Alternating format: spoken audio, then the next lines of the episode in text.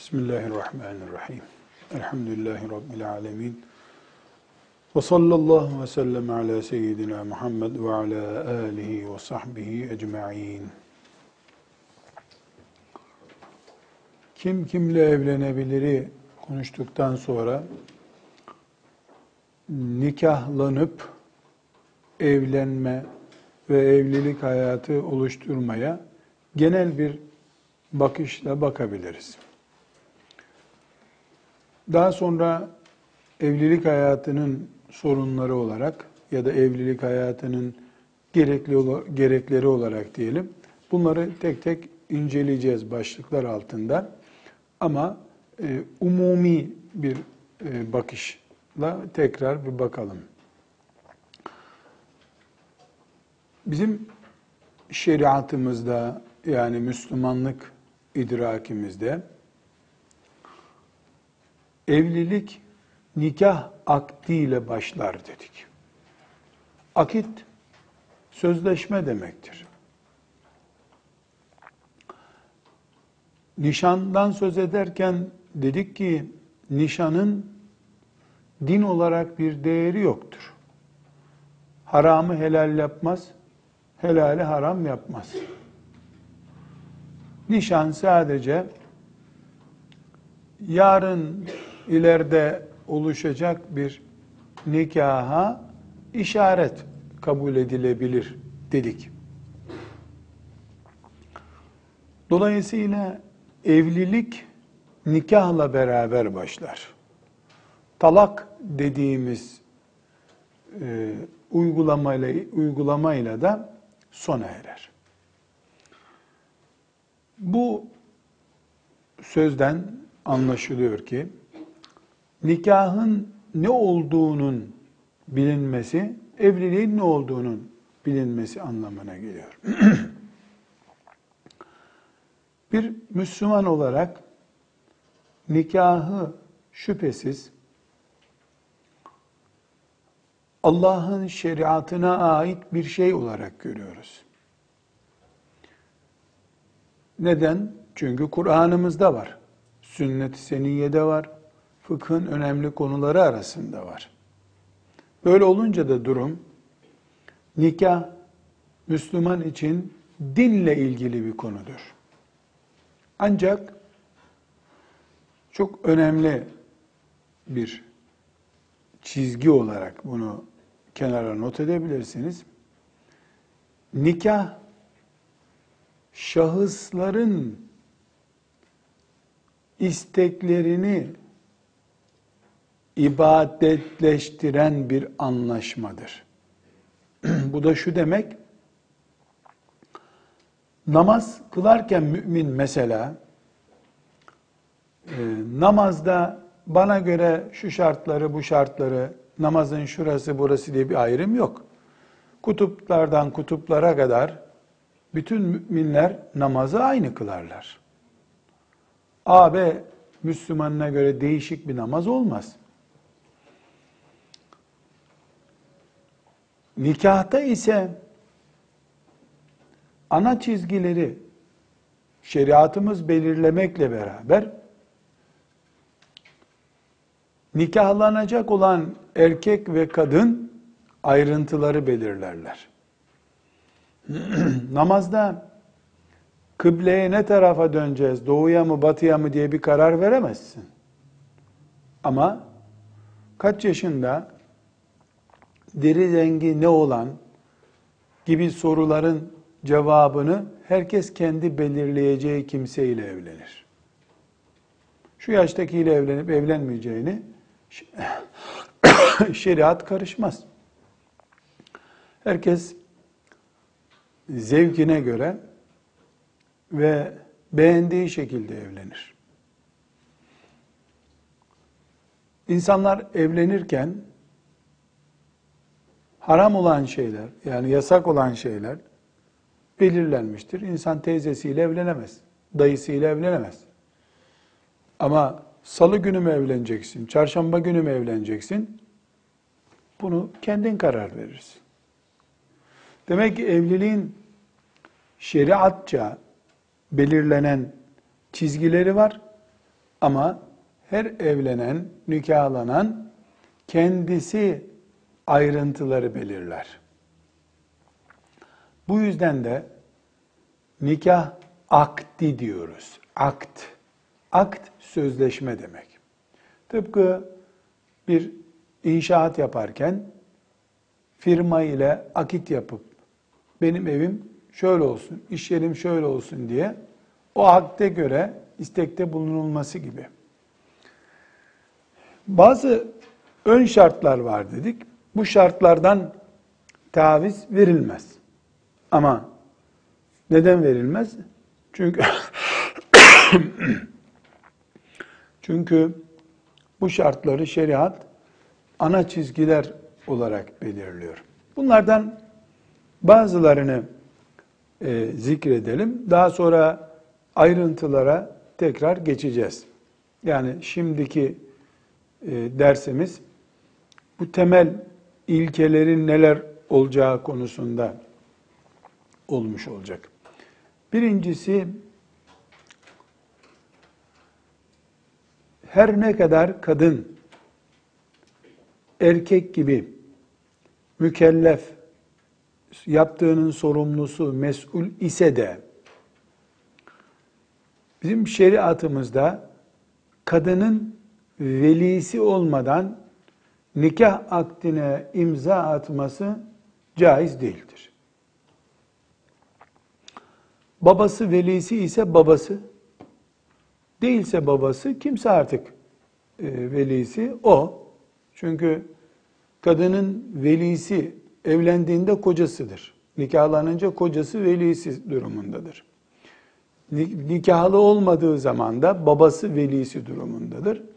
Babası yoksa işte kardeşine, e, diyelim abisine, bir erkeğe muhakkak intikal eder.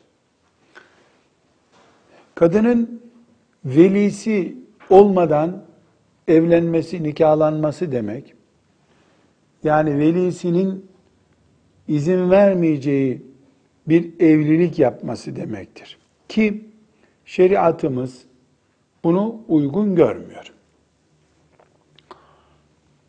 Kadının 10 yaşında olmasıyla 60 yaşında olması bu veliliğin şart olmasından bir tavizi gerektirmiyor. Yani kadın yaşlı da olsa velisi olmadan nikah imzası atamaz.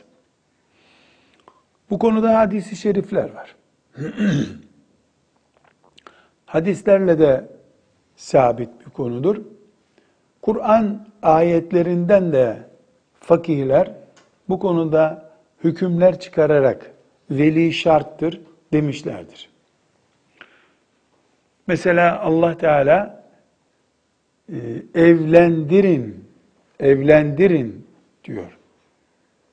E, bu evlendirme kelimesinde yani yetkinizi bu anlamda kullanın anlamı çıkıyor fakirlerin gözünde ama hadisi şeriflerde çok açık bir şekilde Efendimiz sallallahu aleyhi ve sellem velisiz bir kadının nikah kıyamayacağını buyurmaktadır.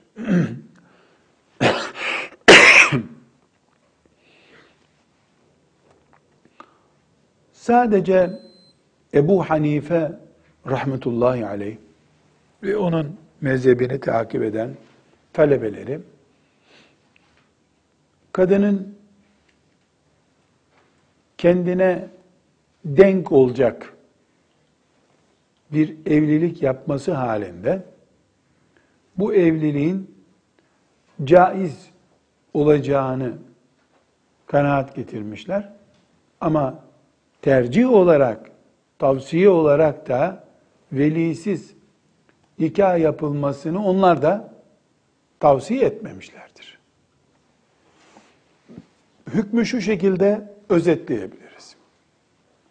Dedik ki kadının yaşı, konumu ne olursa olsun, velisi olmadan, yani erkeği, babası, abisi, dedesi, kimse velisi olmadan gidip nikah yapması caiz değildir.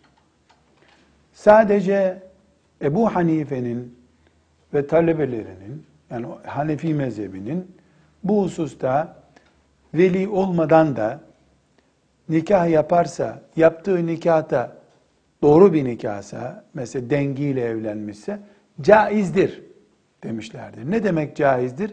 Zina değildir bu. Demek o kadar.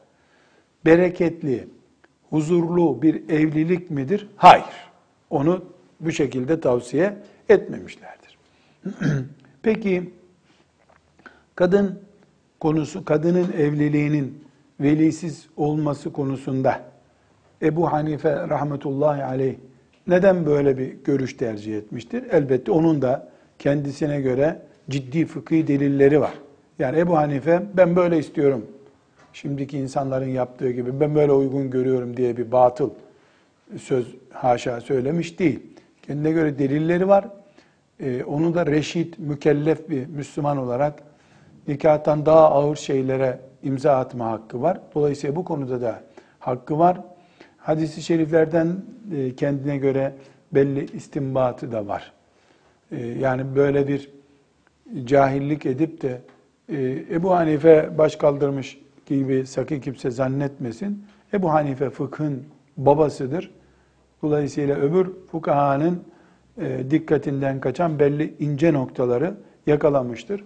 Ama cumhuru fukaha ne demektir cumhuru fukaha? Yani dörtte üçünün bulunduğu taraf. Cumhuru fukaha ise hadislerin açık görünen şekliyle e, hüküm vererek e, kadın velisi olmadan evlilik imzası atamaz demişlerdir. Şimdi bunu biz değerlendirirken diyoruz ki el hak Ebu Hanife'nin yaptığı amel yapıldığında, amel edildiğinde harama sokmayacak, zinadan kurtaracak bir şeydir. Ama Müslüman velisiz nikaha izin vermemelidir. Kadınlar babaları, kimse velileri, dedeleri, abileri olmadan imza atmamalıdırlar nikaha. Bu bir defa akıl yoluyla düşünüldüğünde doğru bir şey değil. Aileden kopup tek başına bir insanın böyle yapması doğru değil. Ee, bir.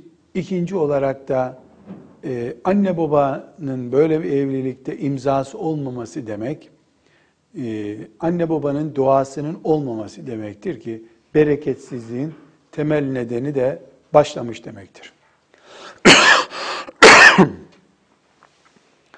Şimdi memleketimizde Hanefi mezhebi revaçtadır.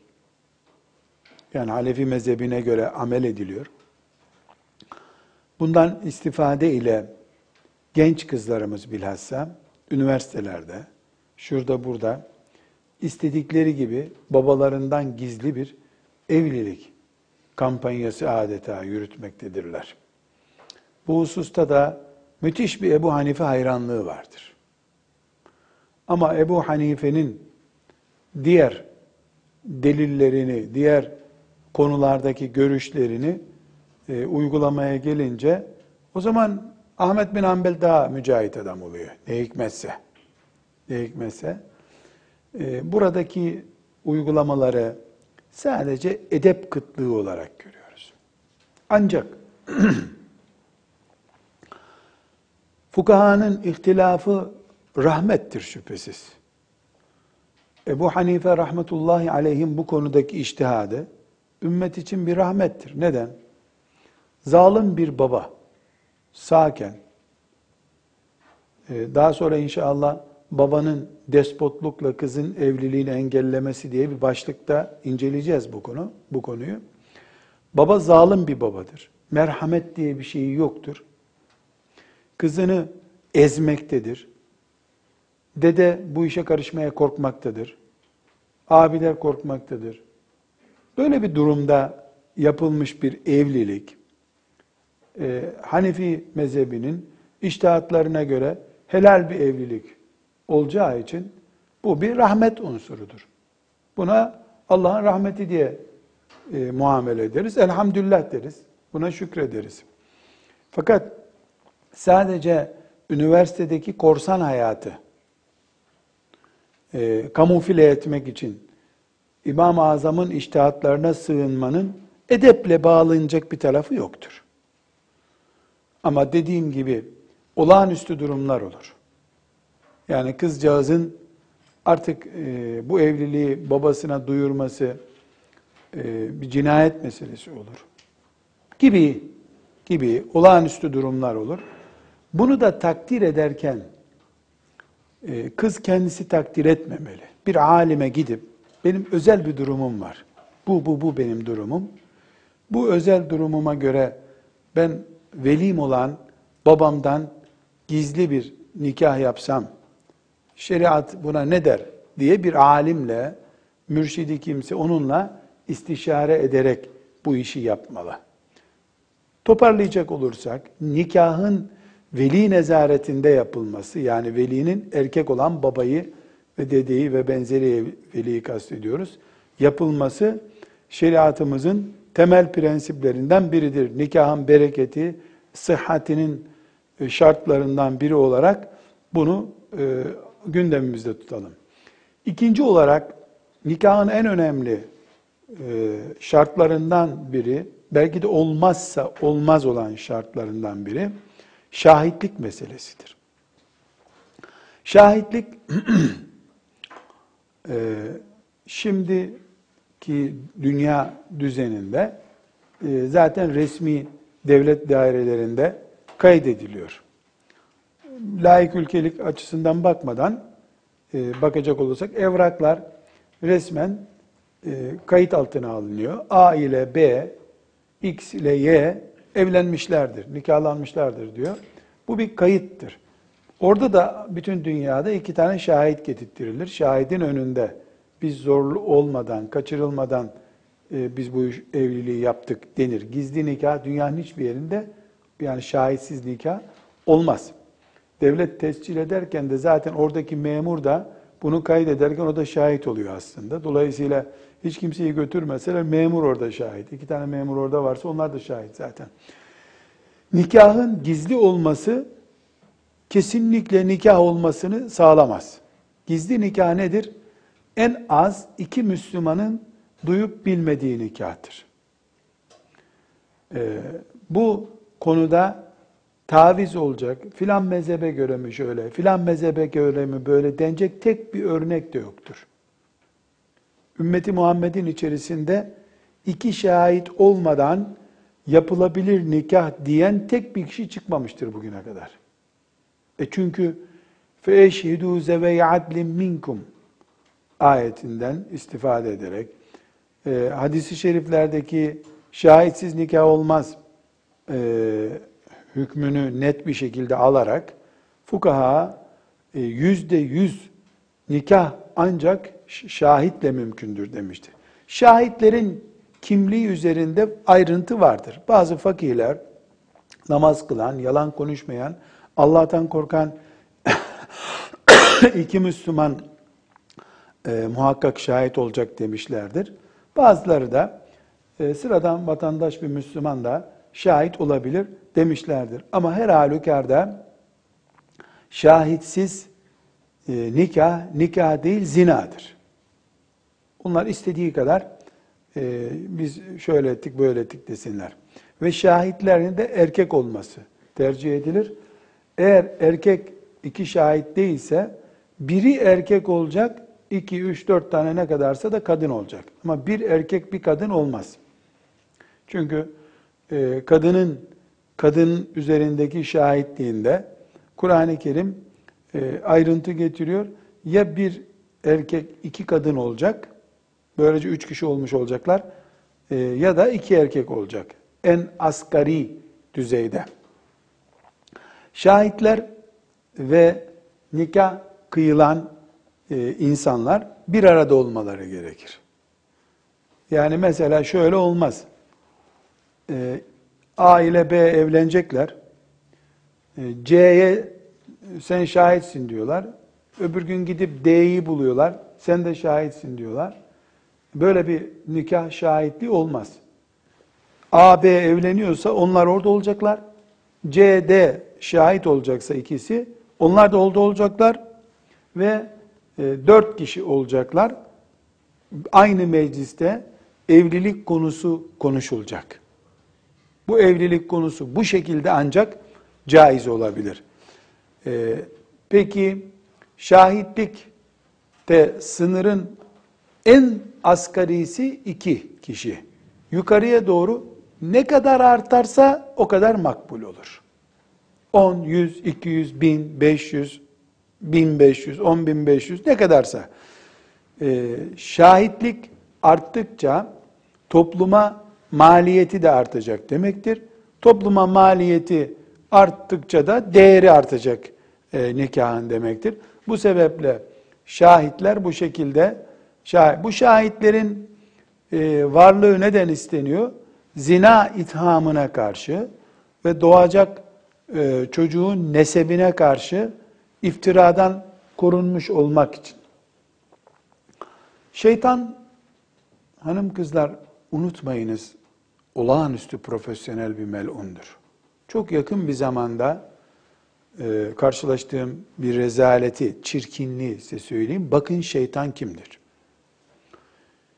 İki genç üniversitede hem de ilahiyat fakültelerinden birinde işte nikahlanıyorlar. Ee, sonra aradan karı oluyorlar aylarca. İşte delikanlı erkek olan bir daha bir eş daha buluyor kendine. Bunun üzerine e, hanım olan rahatsız oluyor. Rahatsız olunca kavga ediyorlar. Boşanacaklar şimdi. Boşanma için bana geldiler. Ben de nereden aklıma geldi? Ya şahidiniz kimdi sizin? Onları da bir çağırın bakalım. Onlar duysun boşandığınızı dedim. Yani talak konusunda konuşacağız. Şahitsiz talak caiz.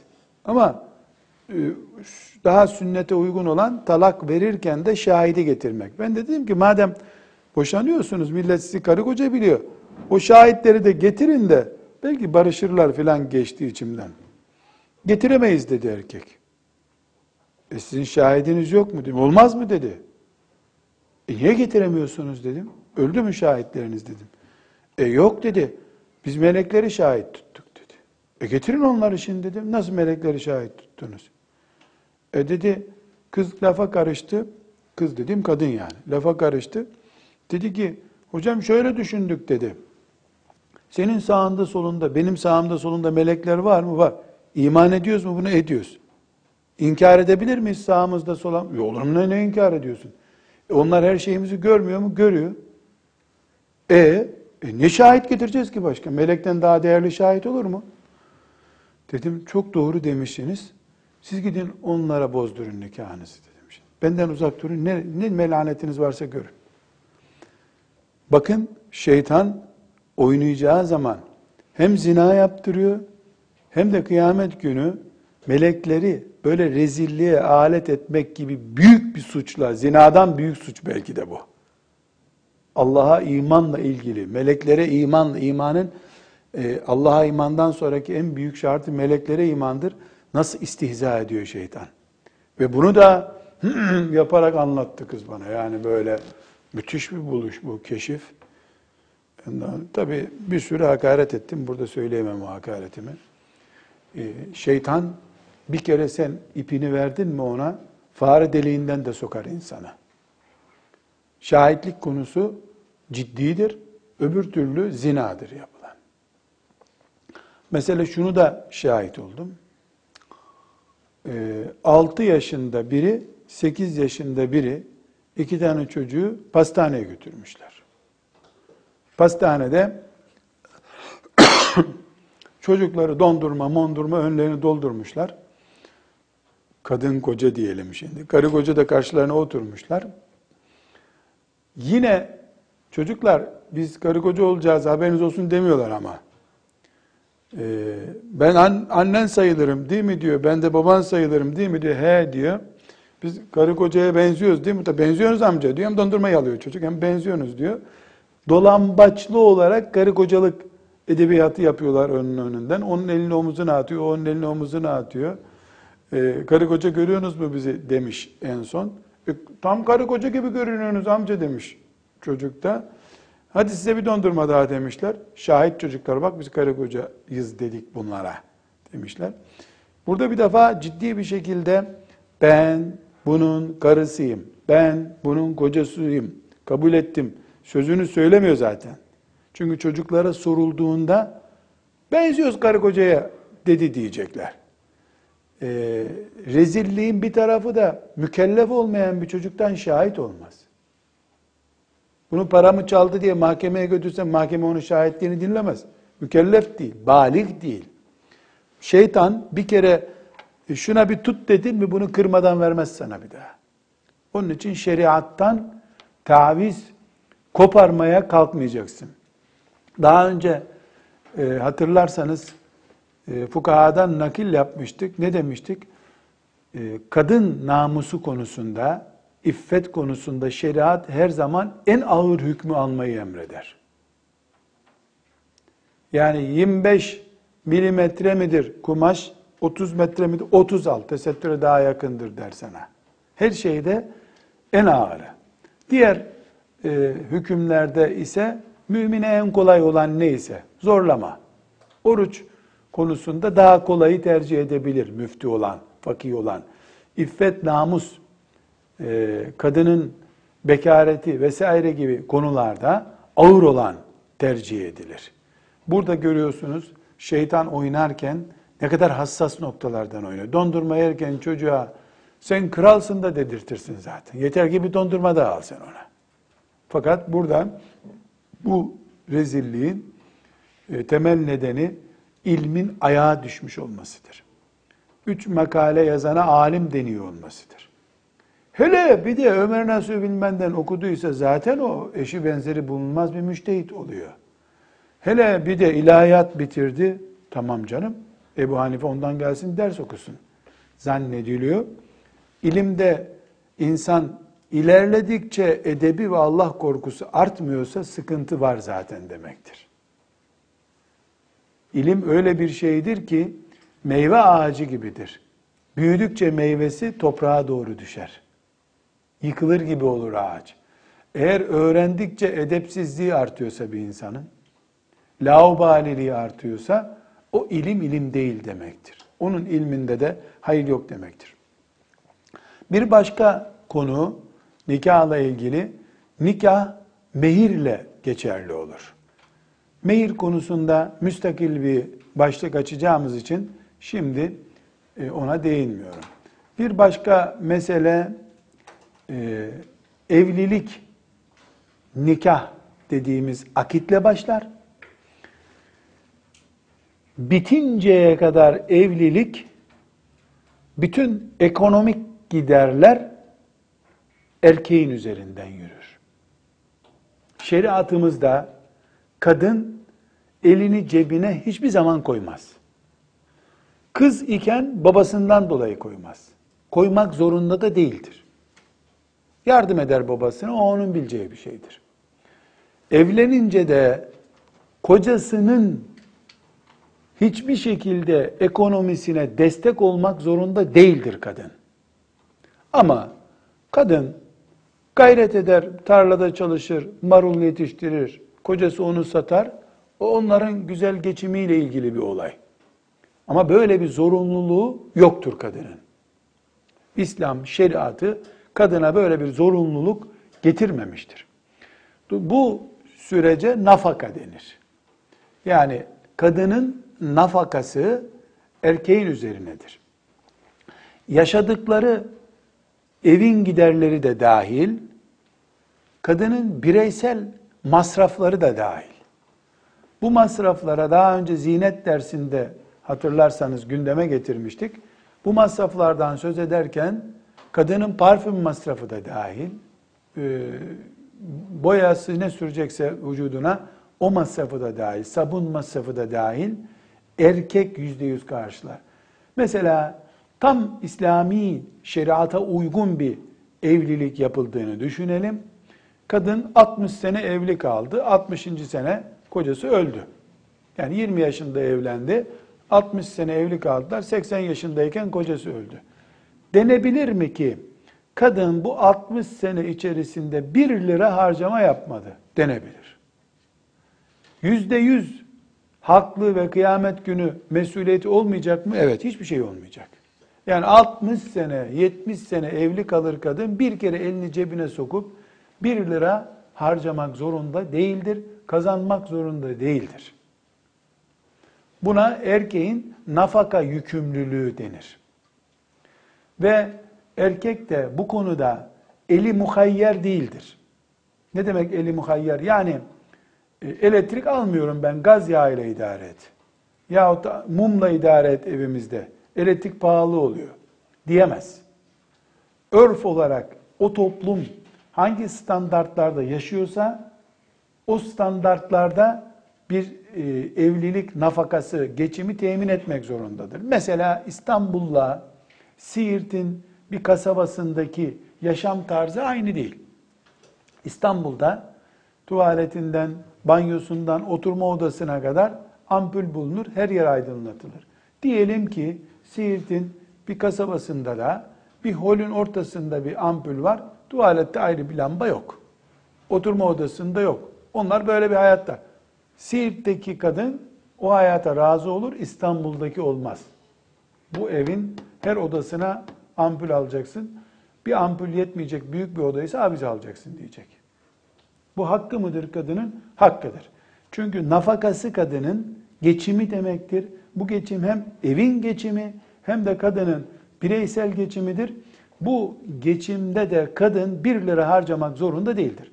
Mesela kadının e, ayakkabısından başörtüsüne, dış kıyafetine kadar bütün e, masrafları da erkeğe mahsustur. E, bu masrafları da kadına beş senede bir bir entari alarak geçiştiremez erkek. Çünkü hadisi şerif hatırlarsanız gücü yeten erkeklere men istata'a minkumul ba'ete geçim yapabilecek durumda olan evlensin buyurmuştu Efendimiz sallallahu aleyhi ve sellem. Dolayısıyla erkeğin ya çok masraf var filan demeye hakkı yok. Çift mesai yapacaksın, evini geçindireceksin. Bu masraflardan zarureti sıkıştıracak boyuta geldiği zaman kadının boşanma talebiyle mahkemeye müracaat etmek hakkıdır. Yani şeriat mahkemesini kastediyorum. Ama adam ağır hastadır, çalışamıyor. Yani bir zaruret var ortada. Bu insani olarak tabii gidip mahkemeye müracaat etme hakkı yok ama iş beğenmiyor beyefendi. İş beğenmediği için de çalışamıyor. Çalışmadığı için de beyefendi hanımının elbisesini de almıyor. Böyle bir e, laubaliliğe şeriatımız izin vermiyor. Buna da nafaka yükümlülüğü diyoruz.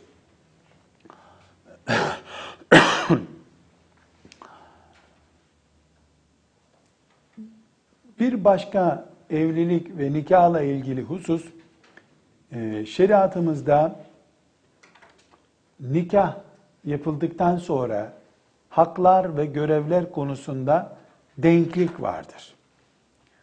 Bu denklik şu demektir.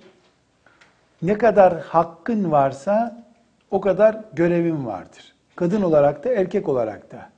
Yani sadece görevin var, hakkın yok diye ne kadına söylenebilir ne erkeğe söylenebilir. Erkeğin üç hakkı varsa üçte görevi var demektir. Kadının üç görevi varsa üçte hakkı var demektir. Şeriatımız böyle bir denge kurmuştur. Ve bu dengede de bireyin e, özellikle zevki, beyefendinin zevki, kraliçe hanımefendinin zevki değildir ölçü. Kur'an-ı Kerim Nisa suresinin 19. ayetinde وَعَاشِرُوهُنَّ بِالْمَعْرُوفِ buyuruyor. وَعَاشِرُوهُنَّ بِالْمَعْرُوفِ Kadınlarla yaşam tarzınız maruf olacak. Maruf nedir? O günkü o toplumdaki yaşam standardıdır. Biraz önce İstanbul'la Siirt'in bir kasabasındaki e, yaşam farkından söz etmiştim. Burada lehunne mislullezî aleyhinne bil ma'ruf ayetinden de Bakara suresinden hüküm çıkarabiliriz. Yani kadının ne kadar görevi varsa o kadar da sorumluluğu var. Ne kadar sorumluluğu varsa o kadar da e, hakkı var demektir. Ayetten bu açıkça çıkıyor. Bu konularda e, çok fazla derinlemeye girmek istemiyorum. Çünkü son derslerimiz inşallah ailenin ıslahı ve Kur'an-ı Kerim'in profiline göre ailenin nasıl olacağı konusunda olacak. Onunla dersleri bitireceğiz inşallah. Orada ayrıntılarıyla bu konulara gireceğiz. Bir başka konuda Kur'an'ın emrettiği ve nikahla teminat altına aldığı ailede söz sahibi erkektir. Buna Kur'an'ımız kavvame diyor. Er-ricalu kavvamune alen nisa Nisa suresinin e, ayetlerinden defalarca geçti. Okuduk bu ayeti. E, Kur'an çok açıkça son imzayı erkek atacak demiştir. Bu kadının ezilmişliği, erkeğin despotluğuna ruhsat anlamına değil, bir kişinin son sözü söylememesi halinde ailede istikrar olması mümkün değil. Eşit hakların bulunduğu, müdürün olmadığı bir fabrikada olmaz, müdürün olmadığı bir okul da olmaz. Ailede de müdür. Bir okuldaki müdür nasıl zalim olması mümkün değil çünkü yetkisi, imzası kanunlarla sınırlı. Ailenin de reisi olarak erkeğin eli kolu salınmış değildir. O da e, nihayetinde e, Kur'an-ı Kerim'le, hadis-i şerifle, fıkıhla eli kolu bağlanmış durumdadır. Bu da sözünü ettiğim derslerde geleceği için bunu da ayrıyeten e, burada genişletmeyeyim.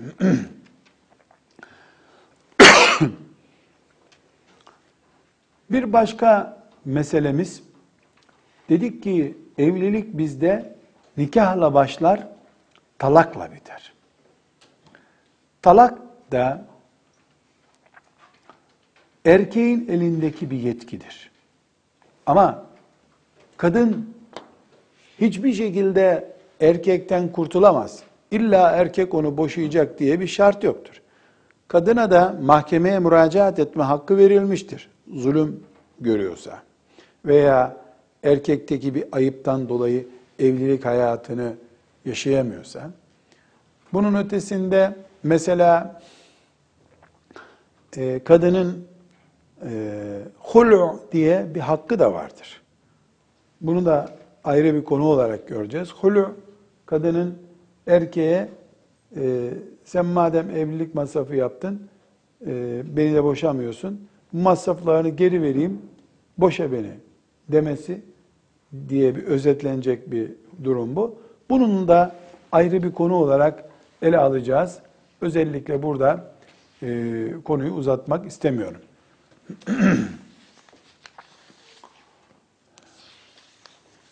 Evlilikle ilgili konuşulacak konulardan biri de hanımefendiler. Evlilikte din adamı veya hoca, alim kimse artık diye birisinin resmi görevi yoktur. Nikah kıyarken mesela. Yani nikahı hocanın kıyması gerekmez. Nikah şahitler huzurunda kadınların, kadının ve erkeğin evlendiklerini ilan etmeleridir.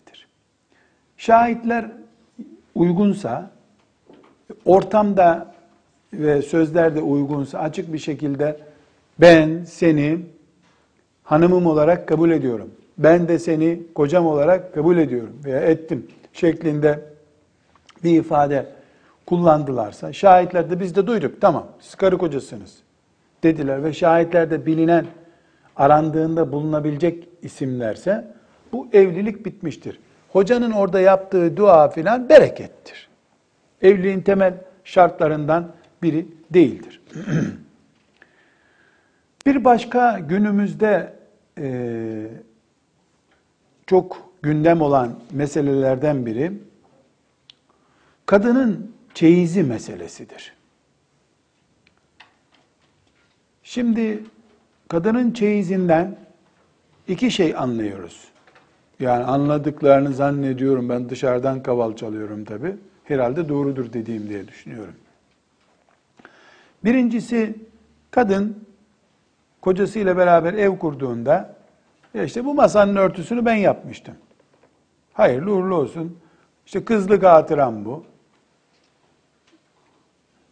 Bir gün illa bir şey, insanın hatıratı çok oldu mu, e, aklı kurtulmuyor ondan.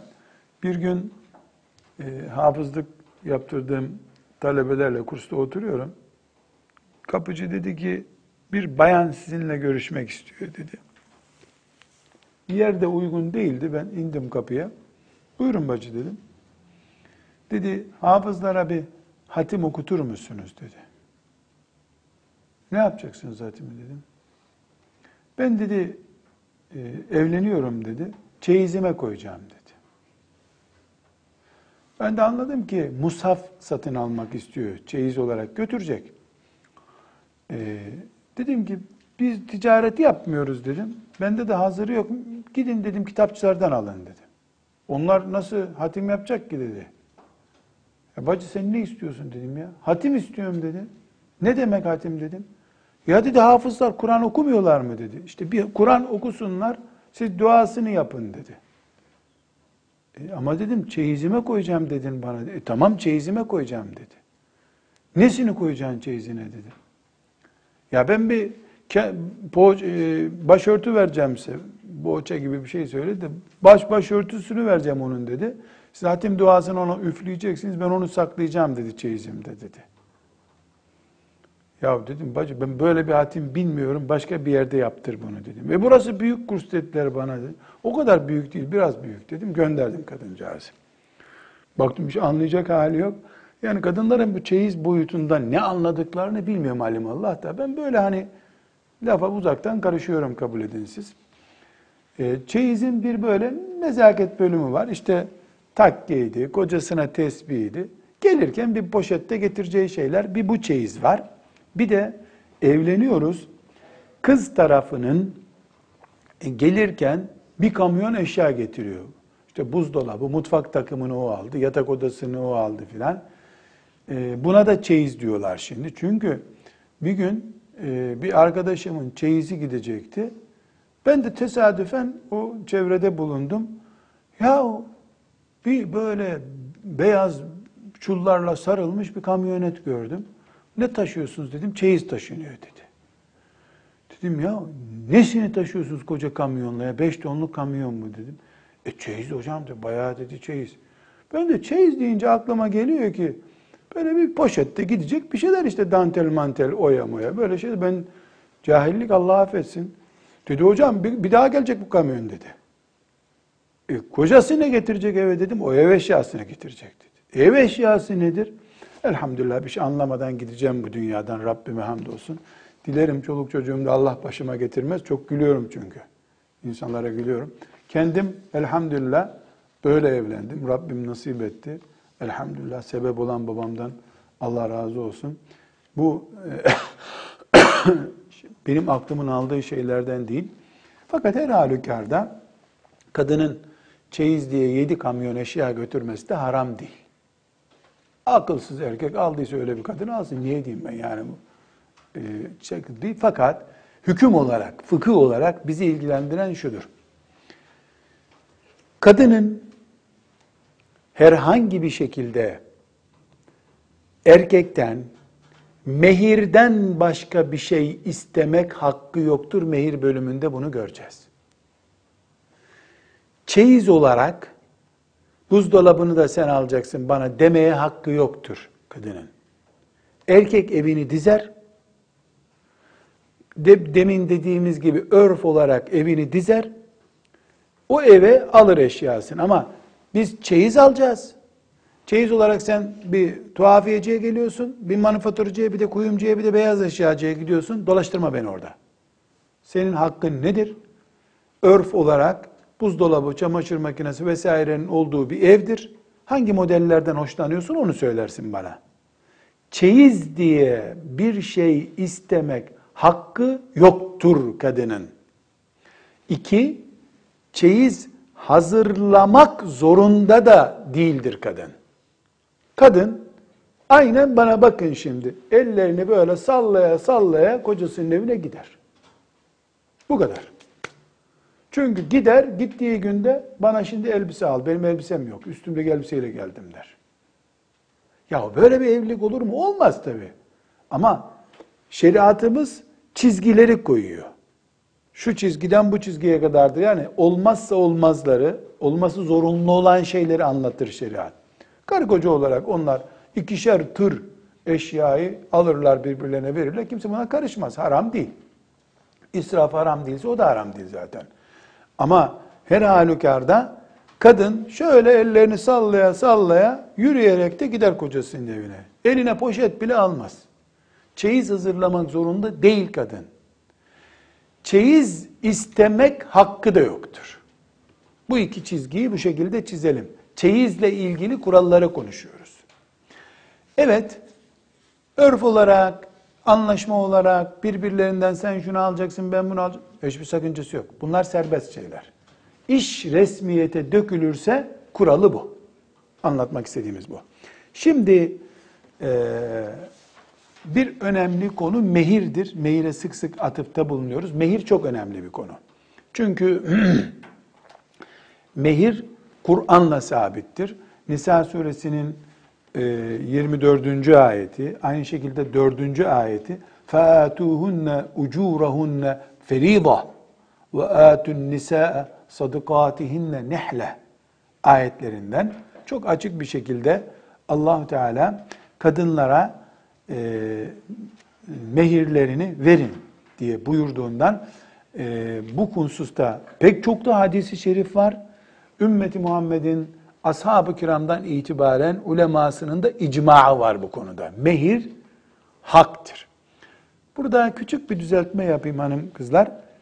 Biz mehir diyorum dikkat ederseniz.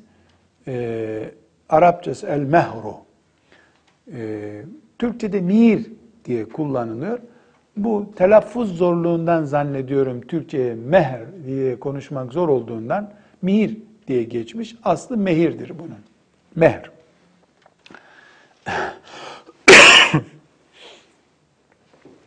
Şimdi mehir konusunda bilmemiz gereken şudur. Bir kere mehir kadının yüzde yüz hakkıdır. Mehrin de azı veya çoğu yoktur.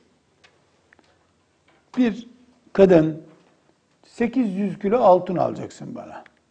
İstanbul Taksim'den de 20 katlı bir bina. İster ister. Veren olur, vermeyen olur. Kadının isteme gücüne, pazarlık gücüne bağlı. Çünkü kadının erkekten nikahtan önce isteyebileceği tek hakkıdır mehir. Bu hakkı istediği gibi kullanır. Bu dinin teminatı altındadır. Çok küçük sembolik şeyler de isteyebilir. Fakat Hanefi mezhebinin e, fıkıh kitaplarında şöyle 10 dirhemden aşağı yani bir 100 dolardan aşağı bir şey istemek de olmaz. Şeklinde böyle bir 100 dolar kaba rakam söyleyeyim yaklaşık olarak e, en aşağı olsun demişlerdir. Fakat genel e, ilke olarak mehir serbesttir. Erkek yağcılığını yapar, kuruşsuz evlenir. Kadın mehrini helal ettim sana der. Ayrı bir konu. Kadının hakkıdır yüzde yüz. Bundan ferahat de edebilir kadın. Yani ben istemiyorum mehir de diyebilir. Dediğim gibi uçuk oğlu uçuk bir rakamda isteyebilir. 100 lira ver de diyebilir. Kimsenin buna karışma hakkı yoktur. Kadın reşit, mükellef bir Müslümandır. İstediğini ister, istediğini alır. Her şeyden de ekonomik değeri olan her şeyden de mehir olur. Ama ekonomik değeri olmayan, e, manevi değeri olan şeyler üzerinden e, mehir yapmak Hanefi mezhebinde bilhassa doğru değil. Mesela sen bana dua et, ben mehrim, mehrim duan olsun gibi böyle bir şey yapmamak lazım. Ee, ekonomik bir değer üzerinden mehir kullanmak, mehir istemek e, sünnete uygun olandır. Kur'an-ı Kerim'in de e, emrettiği budur. Mehir, nikahın şahit gibi olmazsa olmaz şartlarından biri değildir. Mehrin vaciplerindendir. E, nikahın vaciplerindendir. Ne demek? Şahitsiz nikah yaptığımız zaman ne demiştik? Zinadır demiştik. Ama mehirsiz bir nikah yapılacak olsa bunun e, zinadır denmesi gerekmiyor. Neden? Nasıl namazın farzlarından birini terk edince o namaz olmadı diyoruz. Ama sünnetlerinden, vaciplerinden birini terk edince namazı iade etmeye gerek yok diyoruz. Biri rukun çünkü, şart. Öbürü ise rukun ve şart dediğimiz düzeyde değil. Mehir basit değil ama nikahın şartlarından da değil. Burada mehir iki türlü ödenebilir. Birincisi doğru olan da budur. Kız der ki mesela 700 gram altın istiyorum. Ver 700 gram altınımı.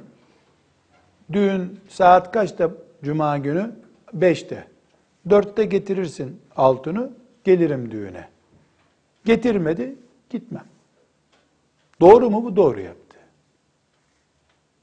Ama nikah akti konuşulurken e, ben mehrimin şimdi istemiyorum, 10 sene sonra istiyorum. Taksitle istiyorum. Ya da ben bunu sonra vereyim dediğinde peki derse kadın borca yazılmış olur. O borcu boşama anında muhakkak almak üzere istediği zaman alabilir kadın. Yani mehir anında da alınabilir nikah esnasında. Mehri muaccel, aceleden geliyor. Muaccel mehir diyoruz buna. İleri bir tarihe ertelenirse buna da mehri müeccel deniyor. Yani taksitlendirilmiş demek. Kadın mehrini aldığı zaman hiçbir şekilde bir daha kocasının ona karışma hakkı yoktur. Asla yoktur. Karışırsa hırsızlık yapmış olur. Mesela e, genelde Anadolu'da usul böyledir. Kadına işte beş bilezik yaparlar mehir olarak. Bu beş bileziği yaparlar. Aradan bir hafta geçer. Takılar da olur düğünde. Sonra e, kayınpeder gelir der ki kızım, canım kızım benim, evladım hoş geldin evimize. Düğünde çok masraf ettik. Sen o bileziklere bir veri ver de e, sonra biz sana yaparız onları. Tamam baba buyur. İlk günden kavga mı çıkacağız? Elveda gitti bilezikler. Taksit maksit ne ödenir işte güya ondan. Düğün masrafları.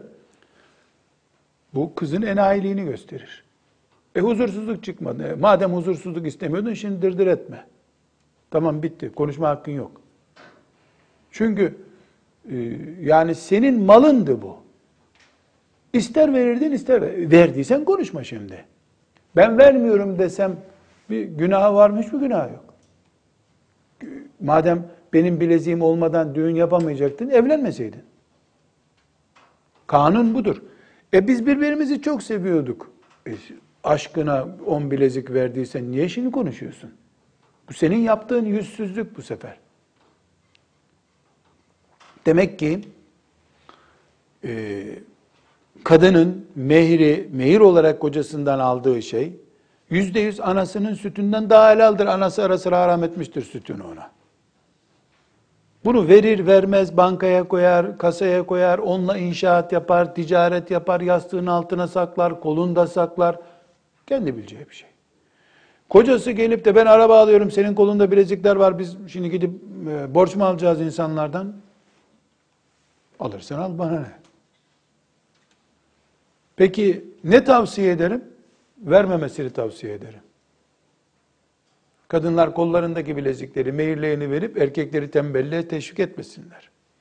E karı kocalık muhabbeti gerektiriyor. Biraz da alın terini gerektiriyor erkeklerde.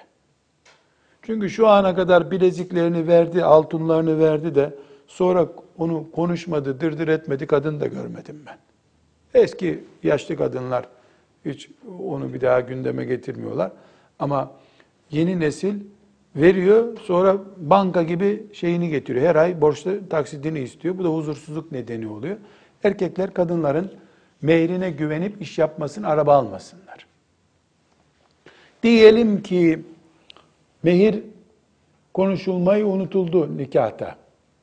Sonra gündeme geldi bu. Nikaha bir zararı var mı? Yok. Ne olacak? Mehir nikahtan sonra da takdir edilebilir. Konuşulabilir. Nasıl konuşacağız peki? Çok kolay. Mehir'de mesela e, bir köylü kızı, köyde yaşayan bir kız, kasabada yaşayan bir kız evlendiğinde umumen ona ne mehir alınıyor? Beş bilezik alınıyor. Bu kızın seviyesine, bu da kasabadan geldi. Beş bilezik ona sonradan alınabilir. Buna e, yani mehrin sonradan emsallendirilmesi diyelim. Mehri misli deniyor buna. E, hafız, üniversite mezunu, doktor bir kızın mehri de beş bilezik değil ama. O da çok, onun emsali birisi mesela daire istiyordu. Onun mehri de dairedir. Yani mehir sonradan da konuşulabilir. 20, 30, 40 sene sonra da konuşulabilir. Peki 40 sene sonra mehri nasıl konuşacağız? Dediğim gibi denklemini kuracağız. O zamanki kızlar neyle evleniyordu? O buna alınıp şimdi verilecek. Bir konumuz daha var. O da şu.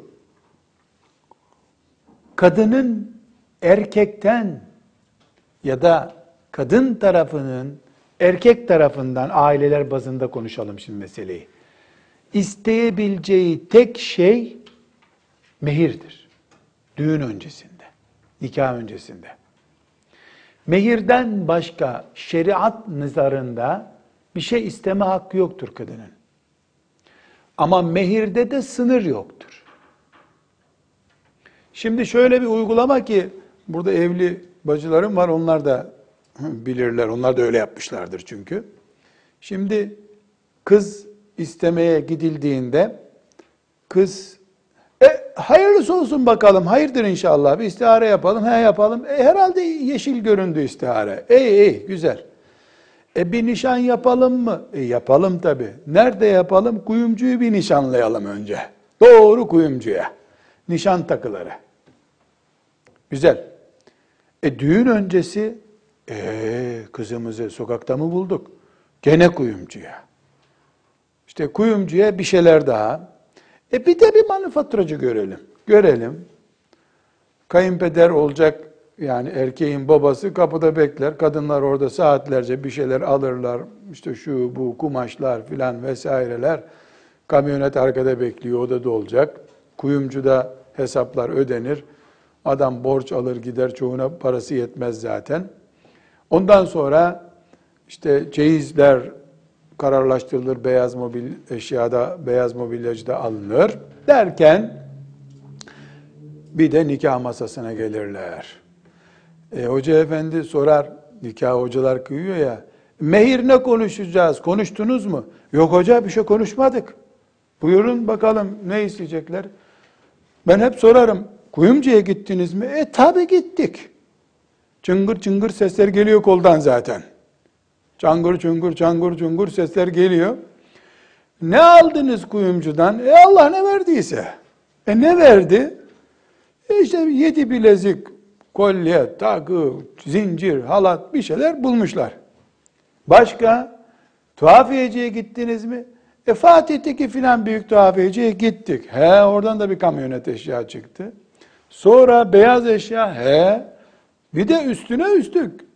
Nişandan sonra gelinin abisi, kardeşi, dayısı, akrabalarına da koca koca poşetler hazırlanmış. Boğaça eski deyimiyle boğaça, boğaça mı poğaça mı neyse hazırlanmış. E biz burada hangi kavalı çalıyoruz şimdi? Mehir kavalını. Nereden çıktı bu mehir ya? Eski aldıklarınız neydi? Damadı süründürmüşsünüz kuyumcuda. Kayınpeder doğduğuna pişman olmuş. Nereden kız evladım yokmuş, abad olmak varmış diye adam oğlu, oğlu olduğuna pişman olmuş orada. Böyle bir şey yok. Bu dinle oynamaktır. Dinle oynamaktır. Ama bakın biraz önce dedim ki Taksim'de 20 katlı bina 7 kilo altın Bir de borsadan 200 filan şirketin hissesini istiyorum de hakkın. Buna ve in aradtum istibdale zevcin mekane zevcin ve ateytum ihdahunne kıntaran. Ben Türkçe ile söyleyeyim. Bir ton altın da verdiyseniz dokunmayın ona Allah buyuruyor. Demek ki olabiliyor. Karışmak yok kadının ne istediğine. Ama bunu direkt meyir olarak söyleyemiyorsun. Örf baskısı olarak kuyumcu, muyumcu şurada burada süründürüyorsun. Şeriatın emrettiği masaya gelince haydi bir de mehir konuşalım. O zaman da tabi e, ne olacak? 99 altın. E, ne demek 99? Berekettir 99. Tesbihat 99 oluyor ya. Subhanallah, elhamdülillah, Allahu Ekber, mübarek. Müezzin seçiyoruz camiye de 99 tesbihlik bir şey imamede bir de zaten kocası 99 tesbihatte o. Bunlar dinimizi hor görme, hafif görme. Ee bir de o olsun bakalım deme hastalığı. Ben şahsen elhamdülillah defalarca kıydığım nikahta e, yani nikahın bozulma noktasına geldiği olmuştur. Bunu kabul etmedim. Gidin başkası kıysın nikahınızı. Ben dinimle oynatamam. Bir dinim var zaten. Dinimin de devleti yok, bir şeysi yok, bir gariban. 40 yılda bir nikah kaldı ortada. Bari o şeriatımın istediği gibi olsun. Kadın istediğini alır, hakkıdır mehir olarak. Bunu bir kere isteyecek. O sonra nikah masasına gelip orada konuşulacak o. Nikah masasında bir daha bir şey istemek yok. Ama şu şekilde anlaşabilirler mi? Anlaşabilirler. Diyebilir mi ki şimdi kuyumcuya gidiyoruz. Orada aldıklarım artı mehir masasında da konuşacaklarımız tamam mı? E bu da pazarlık. Buna bir itirazım yok. Ama mehir masasındakini yani nikah masasındakini mehir olarak konuşuyorsun. Onları mehir diye adlandırmıyorsun bir daha. Onları hediye olarak adlandırıyorsun. Şeriatın böyle bir kalemi yok. Böyle bir şey isteme hakkı vermiyor şeriat sana. Bir son mesele mehirle ilgili. Ahmet bin Hanbel'in rivayet ettiği bir hadis-i şerif, e, rakam da vereyim. 25.119. hadis-i şerif e, Ahmet bin Hanbel'de. Kadınların en bereketlisi sıkıntısı az olan kadındır diyor. Mü'ne. Bu sıkıntı ekonomik sıkıntı demek. Yani bu evde geçim yaparken şeklinde de anlaşılıyor. Başka rivayetlerden de birleştirildiğinde e, mehri yüksek olmayan kadın da anlaşılıyor. Bu da ne demek oluyor? Efendimiz sallallahu aleyhi ve sellem e, tavsiye buyurmuştur. Yani çok pahalıya getirmeyin. Erkek burnundan getirir sonra bunu. Yani sen böyle kalkar da erkeği kiloyla altın istersen o da kilolarla hak ister senden sonra. Masrafı çok olduğu için diye nasihatte bulunmuştur Efendimiz sallallahu aleyhi ve sellem. Ama emir olarak da e, şu kadar gramdan fazla bir şey istemeyeceksiniz şeklinde de buyurmamıştır. Sallallahu aleyhi ve sellem. Mehirde kadının hakkı sınırsızdır, serbesttir ama mehir oyuncak değildir. Diğer konularına devam edeceğiz inşallah.